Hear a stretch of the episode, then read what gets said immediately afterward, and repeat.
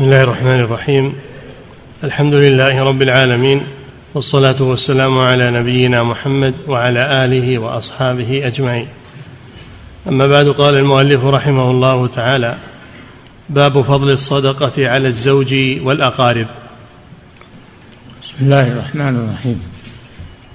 الحمد لله والصلاة والسلام على رسول الله وعلى آله وأصحابه ومن اهتدى بهداه. الصدقه على الزوج يعني إذا كانت المرأة غنية وزوجها فقير فإنها تتصدق عليه. وكذلك الصدقة على الأقارب أفضل من الصدقة على غيرهم لأن فيها أجرين أجر الصلة وأجر الصدقة. نعم. باب فضل الصدقة على الزوج والأقارب عن زينب امرأة عبد الله بن مسعود رضي الله عنها قالت قال رسول الله صلى الله عليه وسلم تصدقنا يا معشر النساء ولو من حليكن. قالت فرجعت إلى عبد الله فقلت إنك رجل خفيف ذات اليد. وإن رسول الله صلى الله عليه وسلم قد أمرنا بالصدقة فأته فاسأله فإن كان ذلك يجزئ عني والا صرفتها إلى غيركم. قالت فقال عبد الله بل ائته أنت. قالت فانطلقت. فإذا امرأة من الأنصار بباب رسول الله صلى الله عليه وسلم حاجتي حاجتها. قالت وكان رسول الله صلى الله عليه وسلم قد ألقيت عليه المهابة. قالت فخرج علينا بلال فقلنا له ائت رسول الله صلى الله عليه وسلم فأخبره أن امرأتين بالباب يسألانك.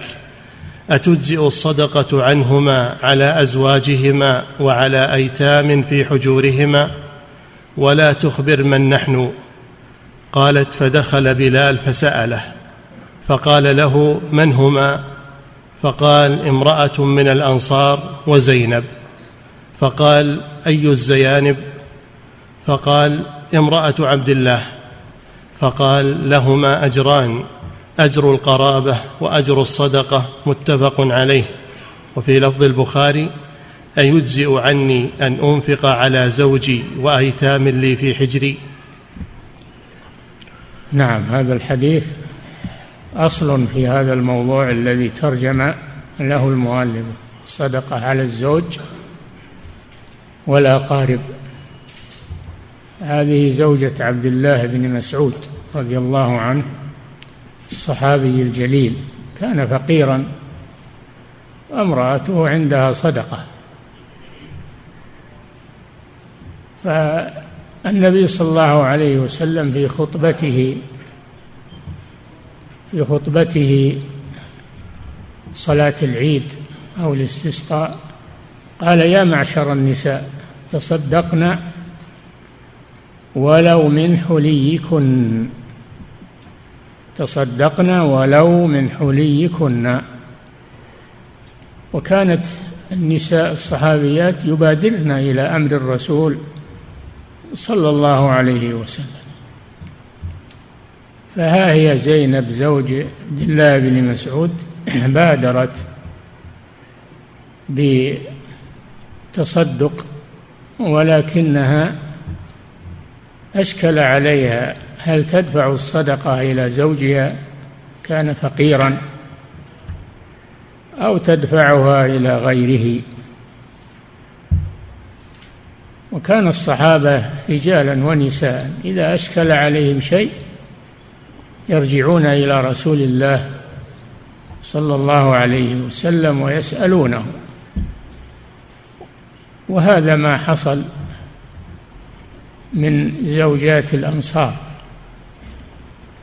بادرنا لما سمعنا الرسول صلى الله عليه وسلم يحثهن على الصدقة. بادرنا يسألنا الرسول صلى الله عليه وسلم عن الصدقة على أزواجهن. نعم أعد الحديث. وعن زينب امرأة عبد الله بن مسعود قالت قال رسول الله صلى الله عليه وسلم تصدقن يا معشر النساء ولو من حليكن. ولو من حليكن الذي تلبسنه. فهذا فيه الحث على الصدقة. ولو من حوائج الإنسان التي يحتاجها. نعم. قالت فرجعت إلى عبد الله فقلت إنك رجل خفيف ذات اليد. يعني فقير. نعم. وإن رسول الله صلى الله عليه وسلم قد أمرنا بالصدقة فأته فاسأله فإن كان ذلك يجزئ عني وإلا صرفتها إلى غيركم. قالت فقال عبد الله بل ائته أنت. نعم عبد الله بن مسعود رضي الله عنه مع فقره يتعفف ولم يذهب إلى الرسول صلى الله عليه وسلم يسأله هل تتصدق عليه امرأته أو لا؟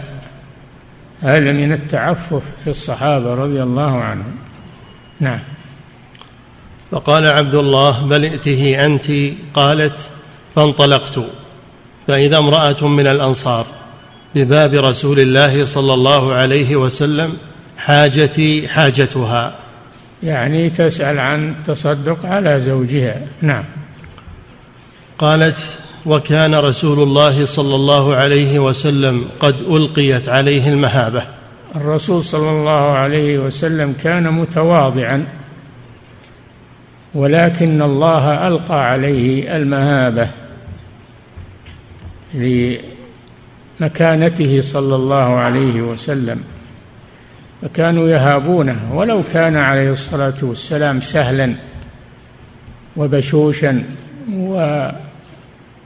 ومتواضعا مع أصحابه. نعم. قالت فخرج علينا بلال. فقلنا له بلال ابن رباح مؤذن الرسول صلى الله عليه وسلم. وكان عبدا حبشيا. نعم. قالت فخرج علينا بلال فقلنا له ائت رسول الله صلى الله عليه وسلم فأخبره أن امرأتين بالباب يسألانك أتجزئ الصدقة عنهما على أزواجهما وعلى أيتام في حجورهما؟ نعم. ولا تخبر من نحن. نعم. قالت فدخل بلال فسأله فقال له من هما؟ فقال امرأة من الأنصار وزينب. لما قال من هما لما قال الرسول من هما لم يسع بلالا إلا يخبره صلى الله عليه وسلم. واحدة من الأنصار والثانية زينب زوج ابن مسعود. نعم. فقال له من هما؟ فقال امرأة من الأنصار وزينب. فقال أي الزيانب؟ فقال امرأة عبد الله. نعم. فقال فقال لهما أجران. أجر القرابة وأجر الصدقة. إذا تصدقن على أزواجهن فلهما أجران. أجر القرابة الزوجية وأجر الصدقة. نعم. لهما أجران أجر القرابة وأجر الصدقة متفق عليه. وفي لفظ البخاري أيجزئ عني أن أنفق على زوجي وأيتام لي في حجري؟ وهذا تقول زينب رضي الله عنها زوج ابن مسعود أيجزئ عني أن أنفق على زوجي عبد الله بن مسعود وأيتام في حجري؟ نعم. وهذا عند أكثر أهل العلم في صدقة التطوع. هذا عند هذا الحديث. عند أكثر أهل العلم يقول المؤلف رحمه الله. وارد في صدقة التطوع. وأما الزكاة فلا تحل من الزوجة لزوجها وإنما هذه صدقة تطوع. نعم. وهذا عند أكثر أهل العلم في صدقة التطوع. وعن سلمان بن عامر عن النبي صلى الله عليه وسلم قال الصدقة على المسكين صدقة وعلى ذي الرحم ثنتان صدقة وصلة. رواه أحمد وابن ماجه والترمذي. الصدقة على المسكين غير القريب من المتصدق صدقة واحدة. والصدقة على القريب المحتاج صدقتان عن ثنتين. له فيها أجران أجر الصلة وأجر الصدقة. نعم. وعن أبي أيوب قال قال رسول الله صلى الله عليه وسلم إن أفضل الصدقة الصدقة على ذي الرحم الكاشح. رواه أحمد. نعم. أبو أيوب هو أبو أيوب الأنصاري رضي الله عنه. قال إن أفضل قال قال رسول الله صلى الله عليه وسلم إن أفضل الصدقة الصدقة على ذي الرحم الكاشح. على ذي الرحم يعني القريب. الكاشح لعله يقصد المتعفف يعني. نعم. رواه أحمد وله مثله من حديث حكيم بن حزام. وعن ابن عباس رضي الله عنهما قال. الكاشح عندك نعم في النهاية. إيه؟ الكاشح العدو. الذي يضمر عداوته ويطوي عليها كشحه أي باطنه والكشح الخصر أو الخصر. أو الكشح الخصر أو الذي يطوي عنك كشحه ولا يألفك. ولا يألفك. يألفك. نعم. يعني النافر منك النافر منك. نعم. وعن ابن عباس وعن ابن عباس. فإذا كان قريبك المحتاج كاشحا عنك فأنت تتألفه أيضا يكون في هذا تألف له. ولا تجازه على كشحه ونفوره.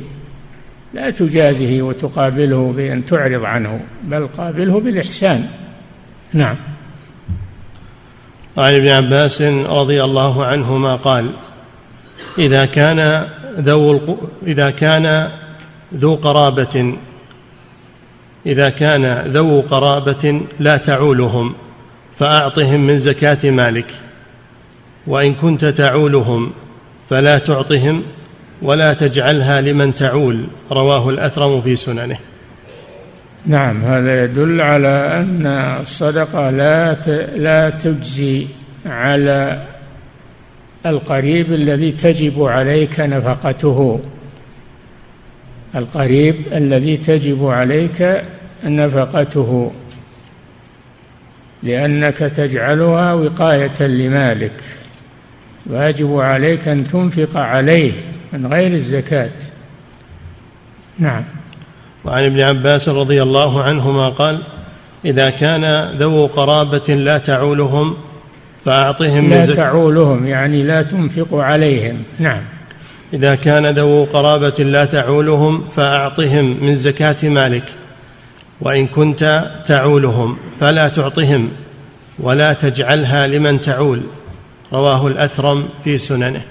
نعم لا تجعلها لمن تجب عليك نفقتهم بل تنفق عليهم من مالك غير الزكاة. وأما القريب المحتاج الذي لا تعوله فالصدقة عليها أفضل من غيرها. نعم. باب زكاة الفطر. نعم انتهت زكاة المال. زكاة المال انتهت. انتقل إلى زكاة الفطر أو صدقة الفطر. وهي الصدقة التي تجب بعد إكمال شهر رمضان المبارك. وهي صدقة وزكاة عن البدن ليست عن المال بل هي عن البدن عن بدن المزكي. فهي صدقة عن البدن وهي أيضا طهرة طهرة له تطهره. وهي أيضا صلة للقريب. نعم. باب زكاة الفطر. عن ابن عمر رضي الله عنهما قال فرض رسول الله صلى الله عليه وسلم زكاة الفطر من رمضان صاعا من تمر أو صاعا من شعير على العبد والحر والذكر والأنثى. والصغير والكبير من المسلمين. رواه الجماعة. نعم صدقة الفطر تجب على كل مسلم كبيرا كان أو صغيرا صائما أو غير صائم. من يجب عليه الصيام ومن لا يجب عليه حتى الصغير الذي لا يجب عليه الصيام تجب عليه صدقة الفطر لأنها عن البدن لأنها صدقة عن البدن. وهي تجب في ليلة العيد من رمضان ويستمر إخراجها من دخول الشهر بثبوت الهلال إلى أن يخرج الناس لصلاة العيد. كل هذا وقت لإخراجها. ويجوز إخراجها قبل العيد بيوم أو يومين لا بأس بذلك. نعم. فرض رسول الله صلى الله عليه وسلم زكاة الفطر من رمضان صاعا من تمر أو صاعا من شعير على العبد والحر والذكر والأنثى والصغير والكبير من المسلمين. رواه الجماعة. نعم بيان النوع الذي تخرج منه صدقة الفطر. صاع من بر أو صاع من شعير. يعني مما يقتات في البلد. نعم. ولأحمد والبخاري وأبي داود وكان ابن عمر يعطي التمر إلا عاما واحدا أعوز التمر فأعطى الشعير. وهذا يدل على أنها تخرج من التمر أيضا وتخرج من الأصناف الخمسة كما يأتي ذكرها. من الأصناف الخمسة البر الشعير التمر الزبيب والعقط. نعم. وللبخاري وكانوا يعطون قبل الفطر بيوم أو يومين. نعم يجوز تقديمها قبل العيد بيوم أو يومين. كانوا أي الصحابة يعطونها قبل العيد بيوم أو يوم أو يومين. والوجوب من ثبوت الهلال ليلة العيد. تجب عليه حينئذ. نعم. وعن أبي سعيد رضي الله عنه قال كنا نخرج زكاة الفطر صاعا من طعام أو صاعا من شعير أو صاعا من تمر أو صاعا من أقط أو صاعا من زبيب. أخرجاه. نعم. هذه هذه الأصناف التي تخرج منها الزكاة. وهي الأصناف التي تقتات في الغالب. فإن عدمت هذه الأصناف فإنه يخرج يخرج من قوت بلده يخرجها من الدخن يخرجها من الذرة يخرجها من الأرز من الطعام الذي يقتات في البلد. ومقدارها صاع بالصاع النبوي. أربعة أمداد. وبالكيلو تقدر الآن بثلاث كيلو تقريبا. الصاع النبوي يقدر الآن بثلاث كيلو تقريبا. وعليه الفتوى الآن. نعم.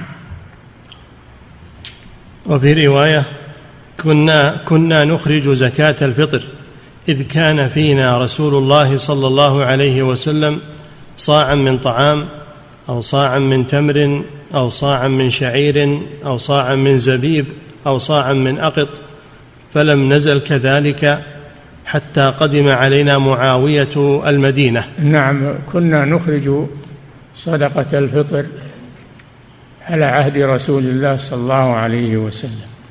هذا يعتبر من الإقرار لأن السنة قول أو فعل أو تقرير؟ فإذا قال كنا نفعل هذا على عهد الرسول فإن هذا من الإقرار الذي أقرهم عليه رسول الله صلى الله عليه وسلم. نعم. كنا كنا نخرج زكاة الفطر إذ كان فينا رسول الله صلى الله عليه وسلم صاعا من طعام أو صاعا من تمر أو صاعا من شعير أو صاعا من زبيب أو صاعا من أقط. كم هذه؟ خمسة. خمسة أصناف. أيها أخرجت اجزا كذلك نعم. فلم نزل كذلك. فإن عدمت هذه الأصناف فإنه يخرج من من قوت البلد. نعم. فلم نزل كذلك حتى قدم علينا معاوية المدينة. فقال إني قدم معاوية رضي الله عنه المدينة.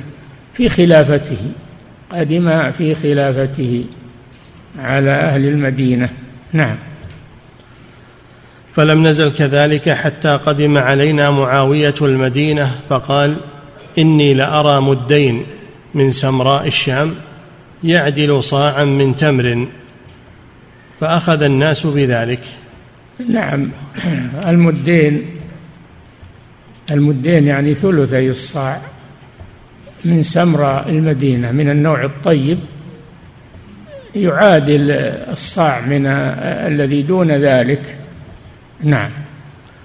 فقال إني لأرى مدين من سمراء الشام يعدل صاعا من تمر. من من سمراء الشام يعني من حنطة الشام. نعم.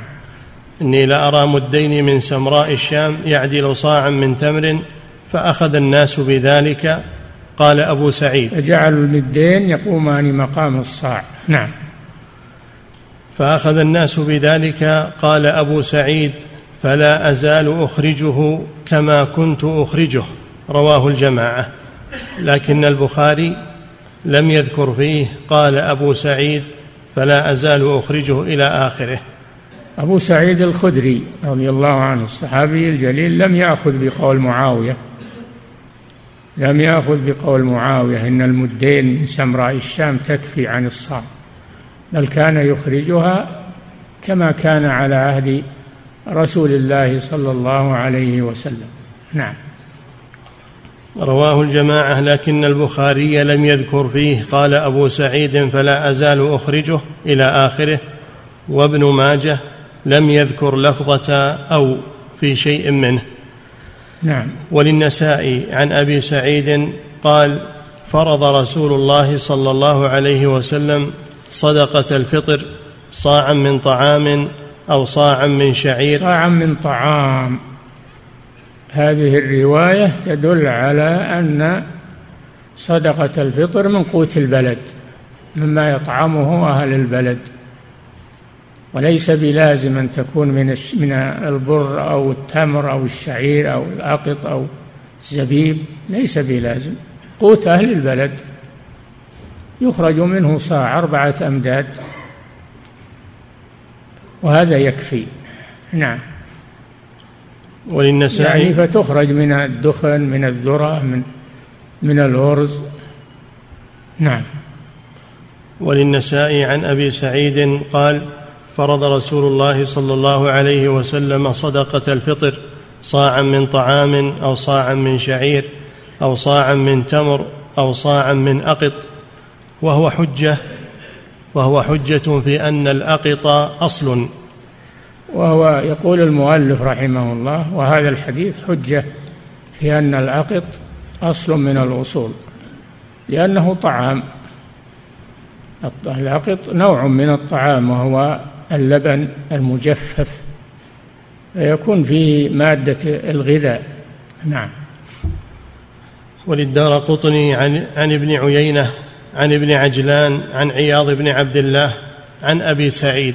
قال ما أخرجنا على عهد رسول الله صلى الله عليه وسلم إلا صاعا من دقيق أو صاعا من تمر أو صاعا من سلت أو سلت سلت. أو صاعا من سلت. سلت نوع من الحنطة نعم. أو صاعا من سلت أو صاعا من زبيب أو صاعا من شعير أو صاعا من أقط. فقال ابن المديني لسفيان يا أبا محمد إن أحدا لا يذكر في هذا الدقيق. قال بلى هو فيه. نعم. قال علي بن ابن المديني الحافظ المشهور قال لسفيان سفيان الثوري بن عيينة وهذا فقيه أهل العراق. وأما سفيان بن عيينة فهو فقيه مكة فقيه أهل الحجاز. نعم. رواه الدار قطني واحتج به أحمد على إجزاء الدقيق. آه، فرع الدقيق فرع على على البر. فرع على البر صاع من بر. ففرعه ينوب منابه. نعم. وعن ابن عمر رضي الله عنهما أن رسول الله صلى الله عليه وسلم أمر بزكاة الفطر أن تؤدى قبل خروج الناس إلى الصلاة. رواه الجماعة إلا ابن ماجه. هذا وقت الإخراج. وقتها قبل الصلاة. قبل الخروج لصلاة العيد. فإن لم يتمكن من إخراجها قبل الصلاة يخرجها في بقية يومه في بقية يوم العيد.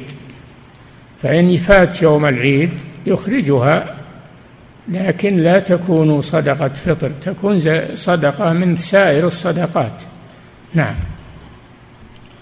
وعن ابن عباس رضي الله عنهما قال فرض رسول الله صلى الله عليه وسلم زكاة الفطر طهرة للصائم من هذه الحكمة هذه الحكمة أنها طهرة للصائم تطهره من الذنوب والمعاصي. نعم.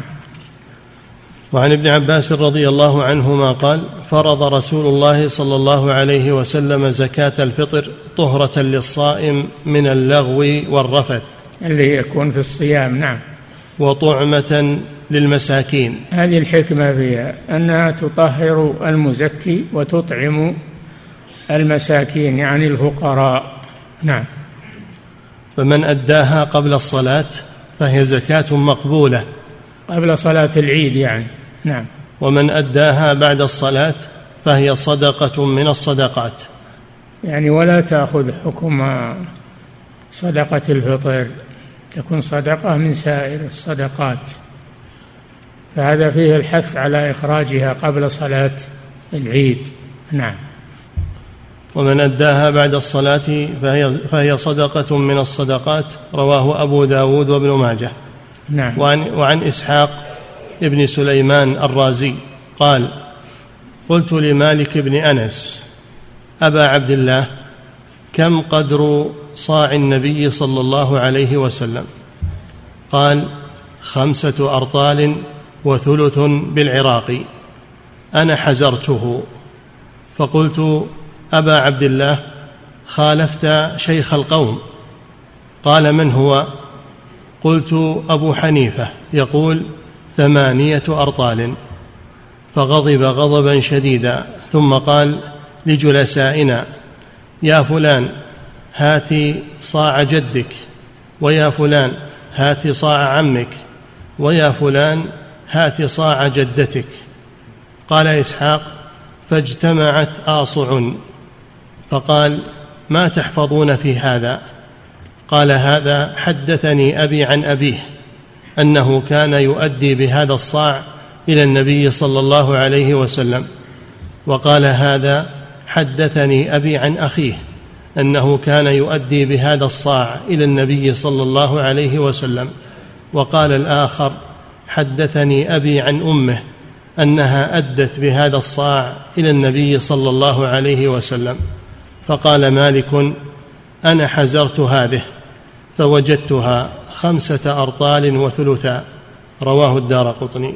نعم هذا فيه أن أبا حنيفة رضي الله عنه نعم إيش قال؟ ثمانية أرطال أبو حنيفة. إي نعم. ومالك ومالك يراها خمسة أرطال وثلث. خمسة أرطال. فيكون هذا حجة على أبي حنيفة رحمه الله. والفقيه يجتهد. قد يصيب وقد يخطئ. أبو حنيفة وغيره. كما قال النبي صلى الله عليه وسلم إذا اجتهد الحاكم فأصاب فله أجران. وإذا اجتهد فأخطأ فله أجر واحد. نعم. كتاب كتاب الصيام. المهم إن صدق إن الصاع النبوي الذي قدر النبي صلى الله عليه وسلم فيه صدقة الفطر يساوي ثلاث كيلو الآن على التقريب. ولا هو أقل لكن ثلاث كيلو احتياط أكثر. فإذا أخرج ثلاث كيلو فقد أجزأ إن شاء الله. وهذا ما صدرت به صدر به قرار هيئة كبار العلماء. نعم. كتاب الصيام. نعم. باب ما الصيام. كتاب الصيام. الصيام شهر رمضان وهو الركن الرابع من أركان الإسلام. الركن الرابع من أركان الإسلام. خلص من الزكاة انتقل إلى الصيام. الزكاة هي الركن الثالث من أركان الإسلام والصيام هو الركن الرابع والحج هو الركن الخامس من أركان الإسلام. نعم. كتاب الصيام باب ما يثبت به الصوم والفطر من الشهر. صيام رمضان فرض في السنة الثانية من الهجرة. وصام رسول الله صلى الله عليه وسلم تسعة رمضانات قبل وفاته صلى الله عليه وسلم. نعم. قال الله جل وعلا شهر رمضان الذي أنزل فيه القرآن هدى للناس وبينات من الهدى والفرقان فمن شهد منكم الشهر فليصمه. يعني حضر شهد يعني حضر. فمن شهد منكم الشهر فليصمه. ومن كان مريضا أو على سفر فعدة من أيام أخر. هذا عذر للمريض الذي يشق عليه الصيام. أن يفطر ويقضي ما افطره من أيام أخر من أيام السنة. إذا لابد من صوم رمضان إما أداء وإما قضاء. والمسافر أيضا لأن السفر مظنة المشقة على الصائم رخص الله له بالإفطار في رمضان ويقضي ما أفطره في سفره وأما المريض وأما الكبير الكبير الهرم الذي لا يستطيع الصيام لا يستطيع الصيام لا حاضرا ولا مستقبلا. والمريض المزمن الذي لا يرجى شفاء مرضه ويشق عليه الصيام فهذان عليهما الإطعام. وعلى الذين يطيقونه فدية طعام مسكين. هذه يراد بها الشيخ الهرم والمريض المزمن. يطعم عن كل يوم وليس عليه صيام. طعام مسكين مسكين واحد. نعم. ويقدر بالكيلو نصف يعني ربع الصاع. أو ثلث الصاع. نعم. كتاب الصيام باب ما يثبت به الصوم والفطر من الشهود. ما يثبت به الصوم.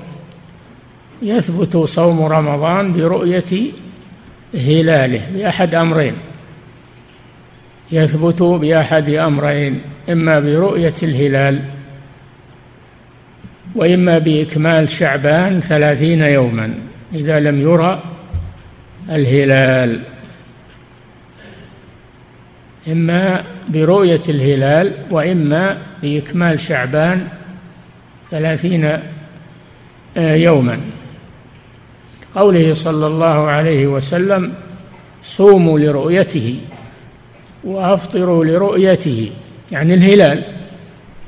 فإن غم عليكم فاقدروا له.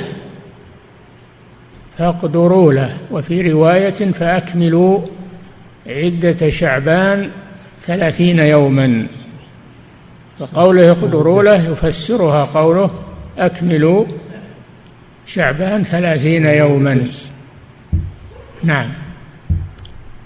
باب ما يثبت به الصوم والفطر من الشهود. عن ابن عمر رضي الله عنهما قال ترى الناس الهلال فأخبرت رسول الله صلى الله عليه وسلم أني رأيته فصام وأمر الناس بصيامه. يثبت رؤية الشهر بشاهد بشاهد واحد. دخول الشهر يثبت بشهادة واحد. بدليل حديث ابن عمر هذا أنه أخبر النبي صلى الله عليه وسلم أنه رأى الهلال. هلال دخول الشهر فصام رسول الله صلى الله عليه وسلم وأمر الناس بالصيام. هذا دليل على أنه يثبت دخول الشهر بشهادة واحد. وأما الخروج فلا يثبت إلا بشهادة شاهدين كما يأتي. نعم. تراءى الناس الهلال فأخبرت رسول وهذا في مشروعية ترائي الهلال أن الناس يتحرون الهلال ويتراءونه. ليلة الليلة الليلة الثلاثين. تراءونه ليلة الثلاثين من شعبان. هذا سنة أنهم يتراءونه. نعم. تراءى الناس الهلال فأخبرت رسول الله صلى الله عليه وسلم أني رأيته فصام وأمر الناس بصيامه. هذا دليل على أنه يثبت دخول شهر رمضان بشهادة واحد. بشهادة واحد عدل. نعم. رواه أبو داود والدار قطني وقال تفرد به مروان بن محمد عن ابن وهب وهو ثقة. نعم. وعن عكرمة عن ابن عباس رضي الله عنهما قال جاء أعرابي إلى النبي صلى الله عليه وسلم فقال إني رأيت الهلال يعني رمضان. فقال أتشهد أن لا إله إلا الله؟ قال نعم. قال أتشهد أن محمدا رسول الله؟ قال نعم. قال يا بلال أذن في الناس فليصوموا غدا. رواه الخمسة إلا أحمد. نعم هذا أعرابي جاء وأخبر النبي صلى الله عليه وسلم أنه رأى هلال رمضان. فسأله هل هو مسلم بشهادة أن لا إله إلا الله وأن محمدا رسول الله؟ قال نعم. فأمر بلالا أن يؤذن في الناس أن يصوموا مثل حديث ابن عمر الذي قبله أخبرت رسول الله أني رأيته فصام وأمر الناس بصيامه. ففيه دليل على دخول الشهر بشهادة شاهد واحد. نعم. ورواه أبو داود أيضا من حديث حماد بن سلمة عن سماك عن عكرمة مرسلا بمعناه وقال فأمر بلالا فنادى في الناس أن يقوموا وأن يصوموا. أن يقوموا يعني للتراويح صلاة التراويح وأن يصوم نعم. وعن ربعي ابن حراش خراش. وعن ربعي ابن خراش. ابن خراش عن رجل من أصحاب النبي صلى الله عليه وسلم قال اختلف الناس في آخر يوم من رمضان فقدم أعرابيان فشهد عند النبي صلى الله عليه وسلم بالله لأهل الهلال أمس عشية فأمر رسول الله صلى الله عليه وسلم الناس أن يفطروا رواه أحمد وأبو داود وزاد في رواية وأن يغدوا إلى مصلاهم. نعم هذا الحديث فيه أن خروج شهر رمضان لا يثبت إلا بشهادة اثنين. إلا بشهادة اثنين. وذلك لأن الأعرابيين جاء إلى النبي صلى الله عليه وسلم وأخبراه أنهم رأوا الهلال. هلال شوال. فالنبي صلى الله عليه وسلم استثبت منهما ثم أمر الناس أن يفطروا لأن الخبر جاء متاخرا أثناء النهار. أن يفطروا وأن يخرجوا من الغد لصلاة العيد. نعم. وعن عبد الرحمن بن زيد بن الخطاب أنه خطب في اليوم الذي شك فيه فقال ألا إني جالست أصحاب رسول الله صلى الله عليه وسلم وسألتهم وإنهم حدثوني أن رسول الله صلى الله عليه وسلم قال صوموا لرؤيته وأفطروا لرؤيته وانسكوا لها فإن غم عليكم فأتموا ثلاثين فإن شهد شاهدان مسلمان فصوموا وأفطروا. أعد الحديث. وعن عبد الرحمن بن زيد بن الخطاب نعم. أنه خطب في اليوم الذي شك فيه. فقال الذي شك فيه وهو يوم الثلاثين من شعبان. هذا الشك هل هو من رمضان أو أو من شعبان؟ فيه شك هذا. نعم. وعن عبد الرحمن بن زيد بن الخطاب أنه خطب في اليوم الذي شك فيه فقال ألا إني جالست أصحاب رسول الله صلى الله عليه وسلم وسألتهم وإنهم حدثوني أن رسول الله صلى الله عليه وسلم قال صوموا لرؤيته وأفطروا لرؤيته وانسكوا لها. فإن وانسكوا لها انسكوا للرؤية. يعني الأضاحي ذبح الأضاحي نعم. وانسكوا لها فإن غم عليكم فأتموا ثلاثين. إن غم عليكم الهلال ولم يرى هذا يوم شك. أكملوا شعبان ثلاثين يوما. نعم.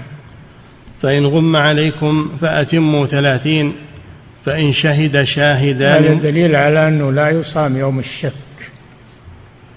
وإنما يفطر فيه. نعم. فإن غم عليكم فأتموا ثلاثين فإن شهد شاهدان مسلمان فصوموا وأفطروا. شهد شاهدان على رؤية هلال شوال فصوموا وأفطروا. الصيام يكفي واحد وأما الإفطار فلا بد من شاهدين. نعم. يكفي واحد كما في حديث ابن عمر الذي سبق. نعم. فإن شهد شاهدان مسلمان فصوموا وأفطروا. رواه أحمد ورواه النسائي ولم يقل فيه مسلمان. وعن نعم. وعن أمير مكة الحارث بن حاطب قال عهد إلينا رسول الله صلى الله عليه وسلم أن ننسك للرؤية فإن لم نره وشهد شاهد عدل نسكنا بشهادتهما. نعم.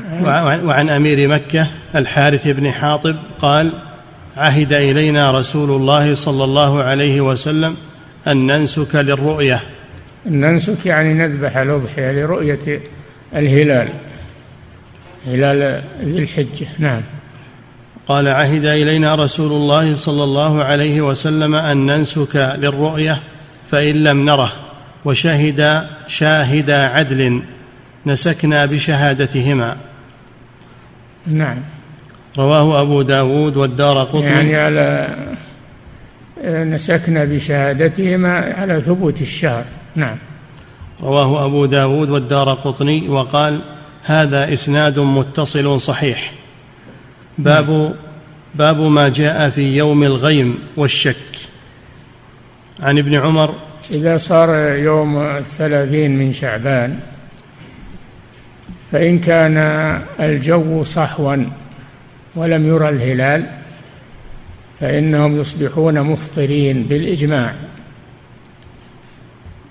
إذا صار الجو ليلة الثلاثين من شعبان صافيا. ليس فيه قتر ولا ما يمنع الرؤية. ولم يروه فإنهم يصبحون مفطرين. هذا بالإجماع أما إذا كان فيه غيم أو قتر فهذا هو الشك. بعض العلماء يرون أنه يصعم يقول آه، في متن الزاد وهو ظاهر المذهب أنه يصام والجمهور على أنه لا يصام بل يكمل شعبان ثلاثين يوما. نعم. باب ما جاء في يوم الغيم والشك عن ابن عمر رضي الله عنهما عن رسول الله صلى الله عليه وسلم قال إذا رأيتموه فصوموا. وإذا رأيتموه فأفطروا فإن غم عليكم فاقدروا له. أخرجاه هما والنسائي اقدروا له. بعض العلماء يفسر اقدروا له يجعلوه يعني ضيقوه. جعلوه تسعة وعشرين شعبان. وهذه حجة من؟ يصوم يوم الشك. ولكن اقدروا له بينتها الرواية الثانية. اقدروا له أكملوا شعبان. ثلاثين يوما. نعم. فإن غم عليكم فاقدروا له أخرجاه هما والنسائي وابن ماجه وفي لفظ الشهر تسع وعشرون ليلة فلا تصوموا حتى تروه. فإن غم عليكم فأكملوا العدة ثلاثين. رواه البخاري. نعم فإن غم عليكم فأكملوا العدة عدة شعبان ثلاثين يوما. هذا فيه أنه لا يصام يوم الشك. نعم. وفي لفظ رواه البخاري وفي لفظ أنه ذكر رمضان فضرب بيديه فقال الشهر هكذا وهكذا وهكذا ثم عقد إبهامه في الثالثة. يعني تسعة وعشرين والإبهام التي عقدها هي ليلة الثلاثين لأنها شك. نعم. ثم عقد إبهامه في الثالثة صوموا لرؤيته وأفطروا لرؤيته فإن غم عليكم فاقدروا ثلاثين رواه مسلم. اقدروا ثلاثين يعني يكملوا شعبان ثلاثين يوما. نعم. وفي رواية أنه قال إنما الشهر تسع وعشرون فلا تصوموا حتى تروه ولا تفطروا حتى تروه فإن غم عليكم فاقدروا له رواه مسلم وأحمد. الشهر قد يكون تسعة وعشرين هذا كثير وقد يكون ثلاثين. نعم. رواه مسلم وأحمد وزاد.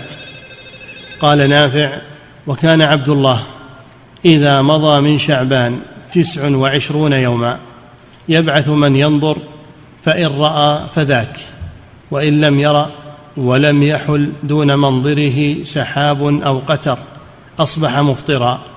وإن حال دون منظره سحاب أو قتر أصبح صائما. هذه حجة من يرى صوم يوم الشك. نعم.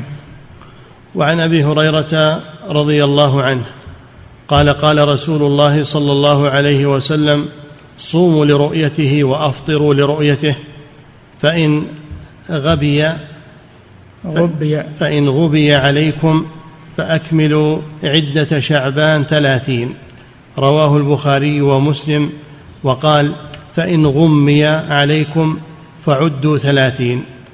وفي لفظ صوموا لرؤيته فإن غمي عليكم فعدوا ثلاثين رواه أحمد. تضافرت الروايات على أن يوم الشك لا يصام وأنه يجب إفطاره. نعم. وفي لفظ إذا رأيتم الهلال فصوموا وإذا رأيتموه فأفطروا فإن غم عليكم فعدوا ثلاثين يوما. رواه أحمد ومسلم وابن ماجه والنسائي. وفي لفظ صوموا لرؤيته وأفطروا لرؤيته فإن غم عليكم فعدوا ثلاثين ثم أفطروا. رواه أحمد والترمذي وصححه. نعم غم عليكم يعني آخر الشهر. نعم. وعن ابن عباس رضي الله عنهما قال قال رسول الله صلى الله عليه وسلم صوموا لرؤيته وأفطروا لرؤيته فإن حال بينكم وبينه سحاب فكملوا العدة ثلاثين ولا تستقبلوا الشهر استقبالا. رواه أحمد والنسائي والترمذي بمعناه وصححه. لا تستقبلوا الشهر استقبالا يعني تصومون يوم الشك تقولون هذا من باب الاحتياط. قال صلى الله عليه وسلم لا تقدموا رمضان بصوم يوم أو يومين. لا يجوز تقدم الشهر. نعم. وفي لفظ للنساء فأكملوا العدة عدة شعبان. رواه من حديث أبي يونس عن سماك عن عكرمة عنه. وفي لفظ لا تقدموا الشهر بصيام يوم ولا يومين. نعم. إلا أن يكون شيئا يصومه أحدكم. إلا إن كان من عادة أحد أنه يصوم من شعبان على أنه نافلة يستمر على صيامه. نعم. ولا تصوموا حتى تروه ثم صوموا حتى تروه. نعم. فإن حال دونه غمامة فأتموا العدة ثلاثين ثم أفطروا. رواه أبو داود. وعن نعم. عائشة رضي الله عنها قالت كان رسول الله صلى الله عليه وسلم يتحفظ من هلال شعبان ما لا يتحفظه من غيره. يصوم لرؤية رمضان فإن غم عليه عد ثلاثين يوما ثم صام. يعني أكمل شعبان نعم. رواه أحمد وأبو داود والدار قطني وقال إسناد حسن صحيح وعن حذيفة قال قال رسول الله صلى الله عليه وسلم لا تقدموا الشهر حتى تروا الهلال أو تكملوا العدة ثم صوموا حتى تروا الهلال أو تكملوا العدة. رواه أبو داود والنسائي.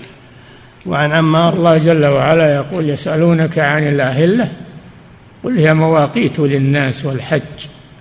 الله جعل الأهلة مواقيت للعبادات. الصيام والحج والعدد وغير ذلك. نعم.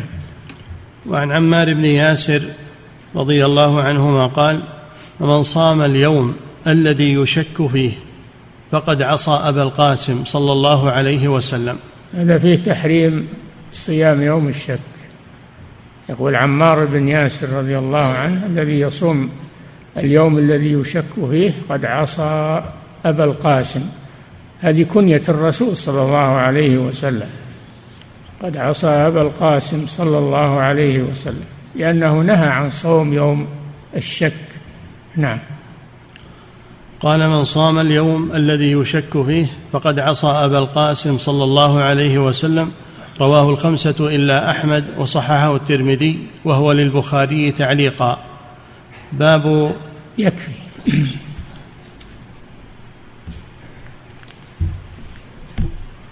تعليقا يعني بدون سند. يعني البخاري يذكر بعض الآثار بدون سند. يكون هذا من المعلقات. نعم. فضيلة الشيخ وفقكم الله. يقول السائل ما القول الراجح حفظكم الله في مسألة إعطاء الزوجة زكاتها لزوجها الفقير؟ لا يجوز هذا لأنه سينفقه سينفقها عليها. هذا لا يجوز. نعم. فضيلة الشيخ وفقكم الله يقول السائل اقترض شخص مني خمسمائة ريال. وهو رجل فقير محتاج. هل يجوز لي أن أنويها من الزكاة إذا أراد أن يعطيني إياها؟ إذا أعطاك إياها وقبضتها ودفعتها إليه فلا بأس. أما أنك تسقطها عنه وتقول إنها زكاة لا. النية عند الإخراج. نعم. فضيلة الشيخ وفقكم الله بقوله صلى الله عليه وسلم تصدقنا ولو من حليكن. هل يؤخذ منه أنه ليس في حلي النساء المعد للاستخدام ليس فيه زكاة؟ نعم. وهو قول الجمهور أنه ليس فيه زكاة وهو المفتى به. نعم. فضيلة الشيخ وفقكم الله يقول السائل عمتي عندها مال وتطمع أن نعطيها مالا من عندنا وربما غضبت نعم، زوجتي عمتي عندها مال وتطمع أن نعطيها مالا من عندنا وربما غضبت إذا لم نعطها.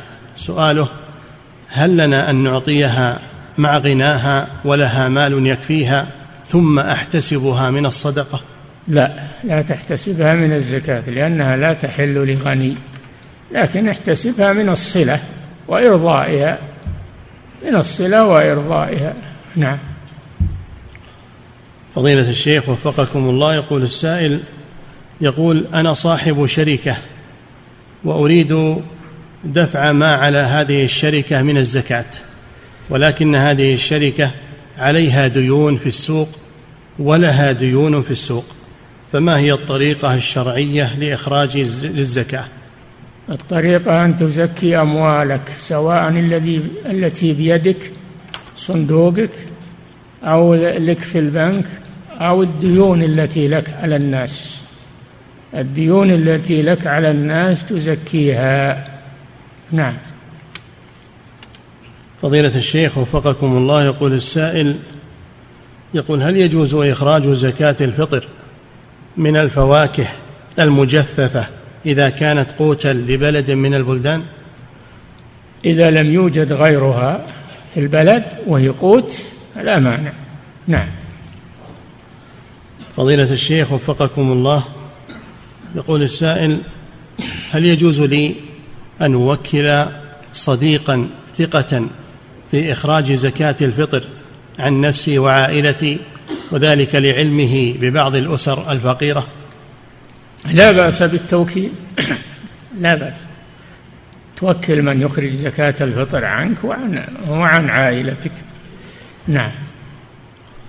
فضيلة الشيخ وفقكم الله يقول السائل يقول ذكرتم حفظكم الله في أصناف زكاة الفطر أنها إذا عدمت هذه الأصناف الخمسة فيجوز إخراجها من نوع آخر. يقول هل نفهم من قولكم إنه لا يج من قولكم هذا أنه لا يجوز إخراج غير الأصناف الخمسة إذا وجدت في البلد؟ أي نعم هذا هو الذي عليه الأكثر. ما دامت موجودة في البلد تخرج منها لأنها هي المنصوصة. نعم وإنما يجزئ عنها غيرها إذا عدمت. نعم.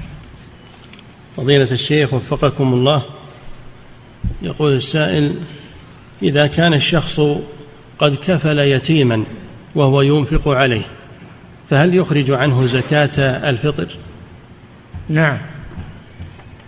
أخرجوا الزكاة عمن تمونون يعني من تنفقون عليه شهر رمضان نعم فضيلة الشيخ وفقكم الله يقول السائل عند إخراجي لزكاة الفطر فإني أقوم بزيادة كيلو أو كيلوين لأجل الاحتياط وأحتسبها صدقة مع الزكاة فهل ما أقوم به مشروع؟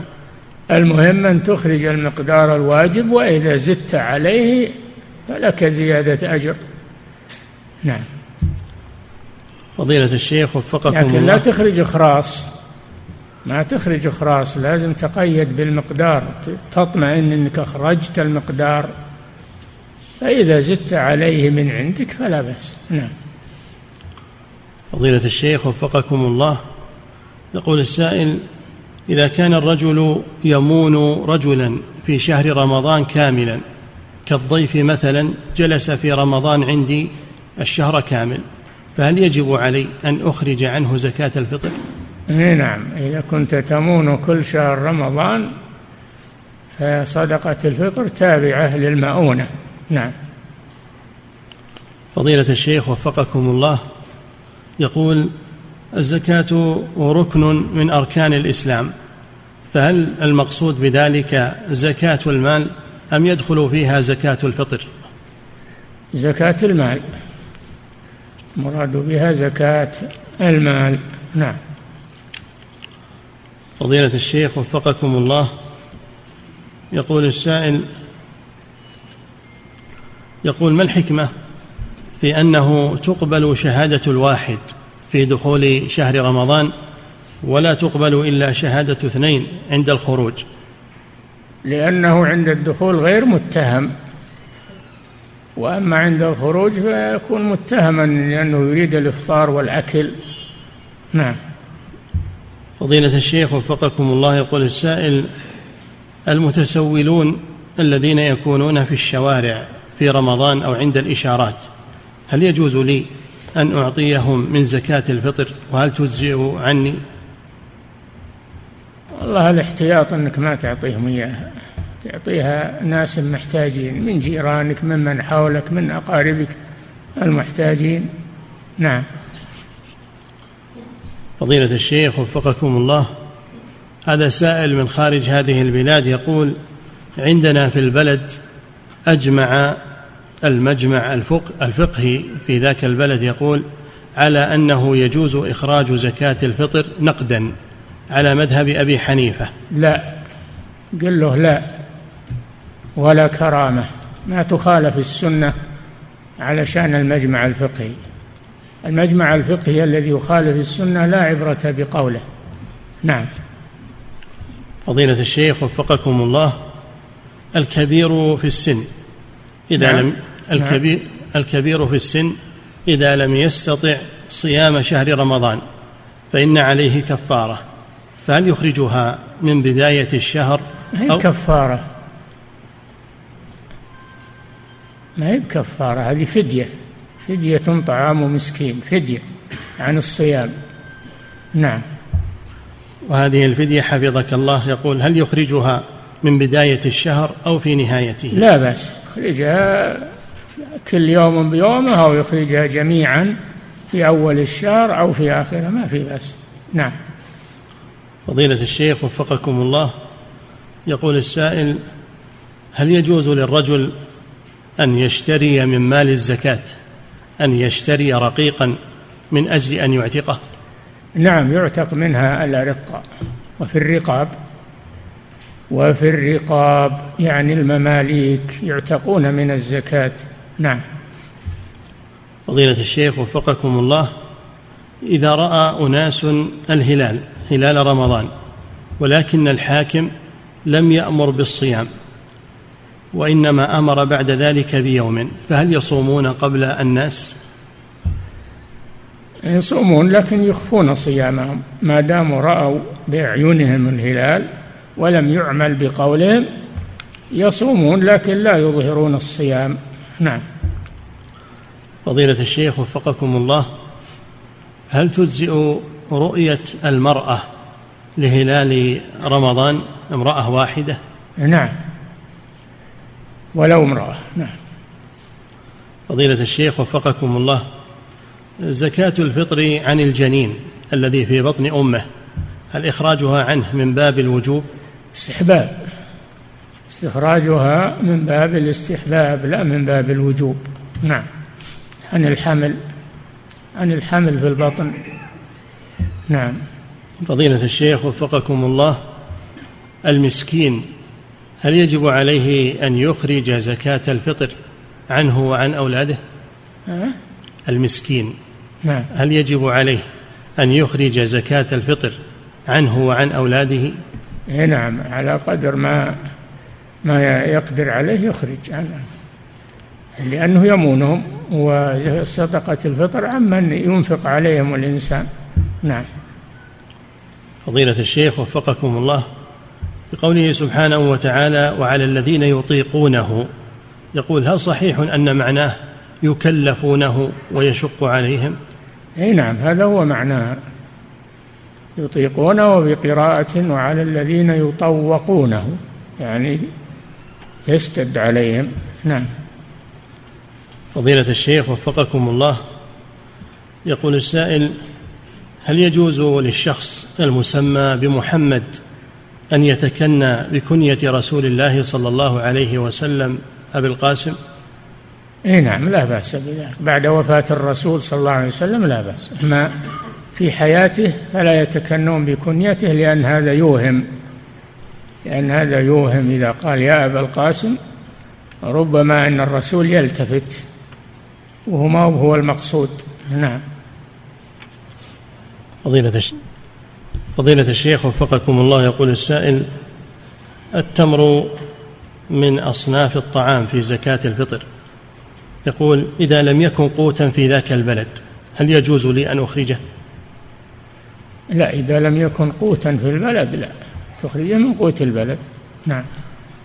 فضيلة الشيخ وفقكم الله يقول بالنسبة للمسافر هل الأفضل في حقه أن يصوم رمضان أداء؟ نعم يجوز له يصوم ويجوز له يفطر. المسافر يجوز له يصوم. إذا صام أجزأه ذلك على قول الجمهور وإن أفطر فقد أخذ بالرخصة وهذا أفضل. نعم. فضيلة الشيخ وفقكم الله. يقول السائل إعطاء زكاة الفطر ليلة العيد إلى الجمعيات الخيرية هل تبرأ الذمة بإعطائهم لها؟ والله يا أخي صدقة الفطر واجبة عليك وفي ذمتك. ما إما تخرجها بنفسك وإلا تعطيها من تثق به أنه يوصلها. وأما الجمعيات فالغالب أنها تجمع زكاة الفطر وتكدسه ولا ولا تراعي وقتها ولا تراعي أهلها فلا تعطيها لهم. نعم لأنها مسؤولية عليك أنت. نعم. فضيلة الشيخ وفقكم الله يقول السائل شخص اعتاد أن يجمع من أصحابه وأقاربه أن يجمع مالا ثم يشتري بهذا المال زكاة الفطر عنهم. نعم. شخص اعتاد أن يجمع من أصحابه وأقاربه أن يجمع ويأخذ منهم مالا ثم يشتري بهذا المال زكاة الفطر ويوزعها على الفقراء. فهل في هذا شيء؟ ليس فيها شيء لكن ما, ما يحمل نفسه يقول للناس وكلون. ما يقول للناس وكلون. لكن إذا وكلوه بدون أنه يطلب منهم فلا بأس أنه يتوكل. أما يقول للناس وكلون هم عافيها الله. كيف يحمل نفسه؟ مسؤولية. نعم. فضيلة الشيخ وفقكم الله يقول السائل اعتاد الناس في هذا البلد أن يخرجوا زكاة الفطر من الأرز. يقول فهل يجزئ عنهم مع أنه لم يذكر من الأصناف الخمسة؟ نعم يجزي عنهم. يجزي عنهم لأنه صار هو الطعام الآن. هو الطعام الغالب أنه من من الأرز. نعم. فضيلة الشيخ وفقكم الله يقول هذه امرأة تسأل فتقول هل يجوز لها أن تلبس حزاما يغطي ظهرها لأجل العلاج ويكون به ما يسمى بالمغناطيس لأنه مفيد للعلاج كما يقولون؟ فهل هذا جائز؟ بس لا يصير حزام ناسف أما إذا كان حزام علاج فلا بأس. نعم. فضيلة الشيخ وفقكم الله يقول السائل يقول ظهر في الآونة الأخيرة ظاهرة وهي أنه عند نزول الغيث وذهاب الناس إلى النزهة مع عائلاتهم يوم الجمعة فإنهم يقيمون صلاة الجمعة في مخيماتهم البرية. ما تصح ولا تجوز. إن كان عندهم جوامع يصلون مع الناس في الجوامع. ما عندهم جوامع يصلونها ظهرا. أما أنهم يقيمونها في البر هذا خلاف السنة ولا تجزي. نعم. فضيلة الشيخ وفقكم الله هذا سائل يقول طلع ناس ما يبالون الله عافينا. ما يبالون بأنفسهم ولا بالناس. يتذممون الناس. يصلون الجمعة بالبر. هذا غير غير غير مشروع هذا. نعم. فضيلة الشيخ وفقكم الله يقول السائل ما يسمى بالطريقة النقشبندية هل هم يوافقون أهل السنة في بعض الأمور؟ والله ما أعرفهم ما أدري لكن النقشبندية نوع من التصوف. الله أعلم بهم. نعم. فضيلة الشيخ وفقكم الله يقول رجل تزوج بامرأة ثانية فطلبت امرأته الأولى الطلاق فهل تدخل في حديث أيما امرأة سألت زوجها طلاقا من غير ما بأس فحرام عليها رائحة الجنة؟ ما في شك أنها تدخل فيه. كان لمجرد أنه تزوج هذا لا لا يجوز لها هذا. ما يجوز لها هذا يبي يتزوج إلى أربع. هذا حقه الذي أعطاه الله. نعم. فضيلة الشيخ وفقكم الله. هذه امرأة من فرنسا تقول تقول إن أباها غير مسلم وأمي مسلمة وقد تزوجت أمي برجل مسلم لكنه لا يصلي. ما هم مسلمين؟ اللي ما يصلي ما هم مسلم. نعم. ثم تقول حفظك الله وعندها عم مسلم يصلي فمن يزوجني؟ تقول. يزوجها أقرب الأقارب الذي يصلي الذي يؤدي الصلاة وهو أقرب إليها من غيره يزوجها. نعم. فضيلة الشيخ وفقكم الله إذا سلم الإمام من الصلاة فهل يجوز للمأموم أن يتأخر عنه قليلا من أجل الدعاء. نعم. إذا سلم الإمام من الصلاة فهل يجوز للمأموم أن يتأخر عنه قليلا من أجل الدعاء؟ يدعوه في مكانه. ما كان الصحابة مع رسول الله صلى الله عليه وسلم يتأخرون من أجل الدعاء. يدعون وهم في الصف في مكانهم من الصف. نعم. فضيلة الشيخ وفقكم الله هذه مجموعة من النساء تقول تقول نحن مجموعة من النساء وقد فتحنا موقعا على الشبكة العنكبوتية وسميناه بالحور العين. فهل هذه التسمية لهذا الموقع جائزة؟ والله ما أعرف هذا والعنكبوت بريئة من هذا. عنكبوتية العنكبوت دويبة مسكينة ما ما هي لها الأمور هذه. فإذا كان هذه فيها منكرات وفيها أشياء فلا يجوز هذا. نعم. فضيلة الشيخ وفقكم الله وهذه امرأة تقول إنها طالبة علم تسأل تقول ما موقفي من داعية تدعي أنها سلفية لكنها تدعو إلى عدم الترحم على الإمام النووي وإلى حرق كتاب تفسير الجلالين هل لي أن آخذ منها العلم أم تشدد لا هذه متشددة. لا تقتدين بها ولا تأخذي عنها العلم. هذه تشدد الإمام النووي إمام جليل. تفسير الجلالين مفيد وفيه فوائد عظيمة وإن كان فيه تأويل لبعض الصفات لكنه معتمد. لكنه معتمد عند العلماء. نعم. ومصنفه إمامان جليلان السيوطي والمحلي من من الأئمة المشهورين. نعم. فضيلة الشيخ وفقكم الله هذه امرأة تسأل تقول إذا جلست المرأة في غير بيتها أياما كبيت أهل الزوج مثلا هل يجوز لها أن تنزع ثيابها لأجل أن تغتسل في ذاك البيت؟ بيت أهل زوجها؟ هذا لا بأس به لأنه يعتبر بيتا لها. نعم. فضيلة الشيخ وفقكم الله هذه امرأة تسأل تقول إن زوجها يسكن خارج المملكة وهي في المملكة. تقول ولي ثلاث سنوات وقد طلقني زوجي فهل يجب علي العدة إذا أردت الزواج؟ إذا مضى عليها ثلاثة ثلاث حيض بعد الطلاق قد خرجت من العدة. إذا مضى عليها ثلاث حيض بعد الطلاق فقد خرجت من العدة وإن كانت لا تحيض إذا مضى عليها ثلاثة أشهر بعد الطلاق فقد خرجت من العدة فلا أن تتزوج. نعم. فضيلة الشيخ وفقكم الله يقول ما هو المطر الذي يبيح الجمع بين الصلاتين؟ الذي يبل الثياب. الفقهاء ذكروا هذا. إذا كان المطر يبل الثياب بينه وبين المسجد. مطر ينزل ويبل الثياب فإنه له أن يجمع.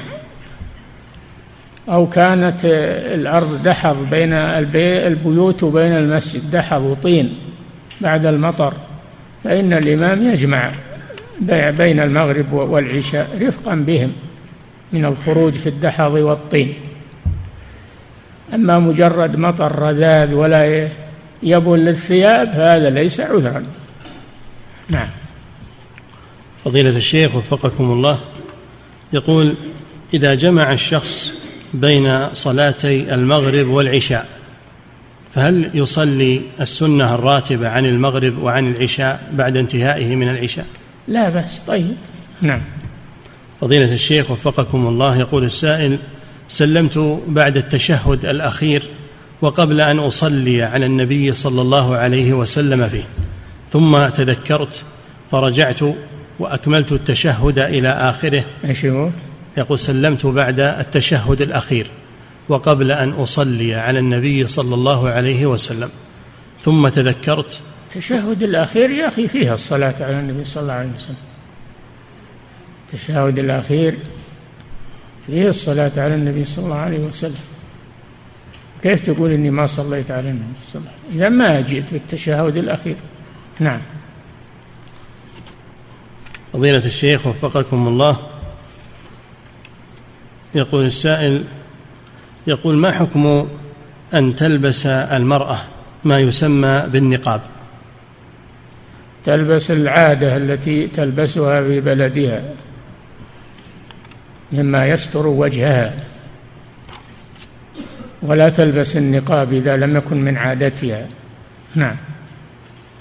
انتهى الله تعالى أعلم صلى الله على نبينا محمد.